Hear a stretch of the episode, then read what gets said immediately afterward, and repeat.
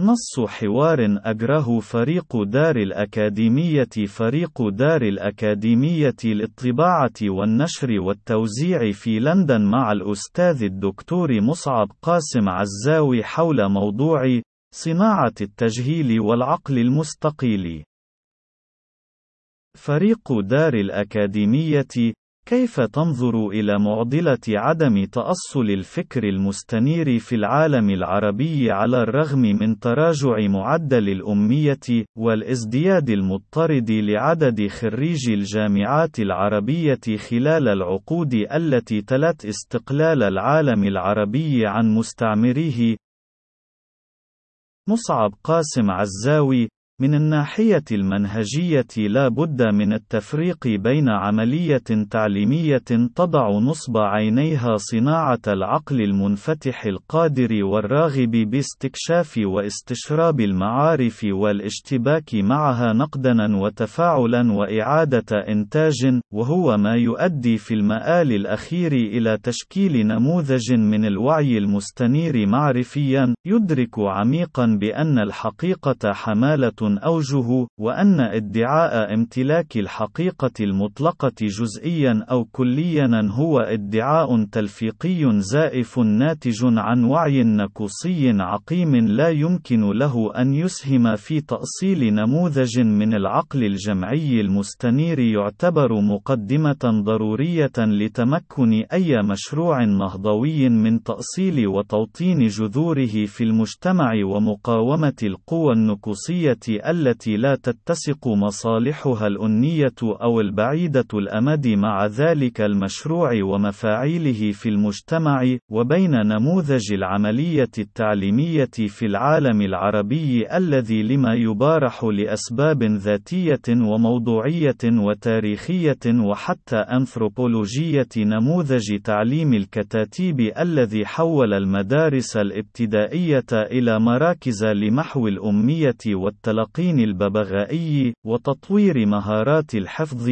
والاستذكار، والذاكرة القصيرة الأمد للنجاح في الامتحان، وإقصاء أي دور فعلي لتعزيز مهارات التفكير الحر والمحاكمة والنقد والاجتهاد لاكتشاف المعارف بالاشتباك مع المقدمات الموضوعية المفتوحة والأسئلة الحرجة التي بالاجتهاد العقلي الفاعل للإجابة عنها تتحول تتحول المعرفة إلى خبرات حقيقية تتراكم في عمق ذاكرة المتعلم الاجتماعية بشكل عصي على الزمن محوها منه بعد أن تصبح جزءا من مفاتيحه الأساسية لاكتشاف العالم وتفسيره والتفاعل معه. ونموذج تعليم الكتاتيب عربيا لم يتوقف عند حدود التعليم الابتدائي، إذ تعضدت جل نظم التعليم الثانوي في العالم العربي لتصبح استطالات لنفس النموذج القروسطي في مستوى التعليم الثانوي بشكل قائم على تحويل دماغ الطالب فيها إلى ما يشبه الجرة المترعة بالصدوع، والتي لا بد من زرق المعارف فيها عنوة، وبالكمية والسرعة القصوى، على أمل أن لا تتسرب جميعها من الشروخ والصدوع في جدار الجرة المثقوب، وبحيث يكفي ما تبقى منها للطالب أن يجتاز الامتحان الذي بعده لن يبقى في قعر الجرة أي بواق من معرفة تسربت جميعها من شقوقها بعد أن قامت بالدور الوظيفي المؤقت المراد منها وحسب. وعلى مستوى الجامعات العربية فإن معظم الجامعات العربية قد تحولت إلى مدارس ثانوية كبيرة تعمل بنفس النموذج السالف الذكر مع تنحية شبه مطلقة لكل ما يتعلق بالبحث العلمي الحق الذي يتجاوز حد التجميع والقصقصة من هنا وهناك لعمل أطروحة أو بحث خلبي لم يتجاوز الجهد العقلي العربي فيه حيز إعطاء الأوامر للعضلات المحركة لأصابع صاحبها في النقل من هنا وهناك، بالتوازي مع حالة غرائبية يتفرد بها العالم العربي بشكل منقطع النظير عن جميع الدول الأخرى المنهوبة المفقرة في أرجاء الأراضين، وهنا أعني الانسحاق الحضاري العميق والراسخ تجاه لغة السادة المستعمرين، فتجد تباهيا في جل الجامعات العربية وطلابها وكوادرها حين تكون لغة التعليم فيها بلغة السيد المستعمر، في إقرار ضمني بأن اللغة العربية تجافي متطلبات العلوم المعاصرة في الوقت الذي تعلم فيه كل المجتمعات النامية في أرجاء المعمورة بلغاتها الوطنية التي لا يمكن مقارنتها بأي شكل كان بالغنى الاستثنائي والقدرات الفائقة للتوليد والاشتقاق في اللغة العربية، وهو ما ينتج في نهاية المطاف نموذجا من الخريجين الجامعيين المنفصلين عن حاجات مجتمعهم الحقيقية لكونهم لما يشتبك مع أي منها بشكل ملموس خلال تأهيلهم الجامعي وكمثال عياني مشخص على تلك التراجيديا لا بد من الاستماع إلى الطريقة المغرقة في انغماسها الحضيضي لغة وأسلوبا ومصطلحات حينما يحاول طبيب يفاخر بتحصيله العلمي باللغة الإنجليزية في جامعته حينما يحاول شرح طبيعة المرض الذي يعاني منه مريضه للمريض نفسه أو عائلته فتجده منزلقا عنوة لاستخدام نمط من التواصل لا يتجاوز أسلوب العطارين والطب الشعبي القراوسطي لعدم امتلاكه لمفاتيح التواصل بلغته الأم التي تمكنه من تأصيل وعي صحي أكثر إفادة لمريضه وبالتالي مجتمعه من خلال التبسيط والشرح الوافي المتأني العلمي الرصين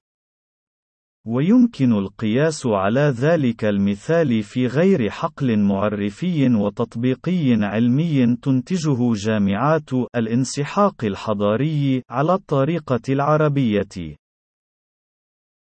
ومن ناحية أخرى فإن العملية التعليمية ومؤسساتها في العالم العربي لم تسلم من تغول الاستبداد المقيم عربيا عليها عمقا وسطحا وعموديا وأفقيا عبر تحويلها إلى مؤسسات للإعداد العقائدي والذي يعني بشكل عملي غسيل الأدمغة الغضة بالقوة وإرغامها على استبطان ورؤى ونهوج لا تتطابق مع الواقع الذي يعايشه ذلك الدماغ النظير كما هو في حيوات أهله وأقرانه في محيطه الاجتماعي والذي لا بد له من القبول به واستبطانه لكي لا يتم لفظه من جسم التعليم كأهون العقابيل التي قد تعني لفظه من الحياة الدنيا وأهله إن هيج عدم خضوعه الفكري غضبة الطغاة والمسلمين المستبدين عبر وكلائهم من فيالق العسس والبصاصين والمرتزقة والجلادين بأشكالهم وتلاوينهم المختلفة.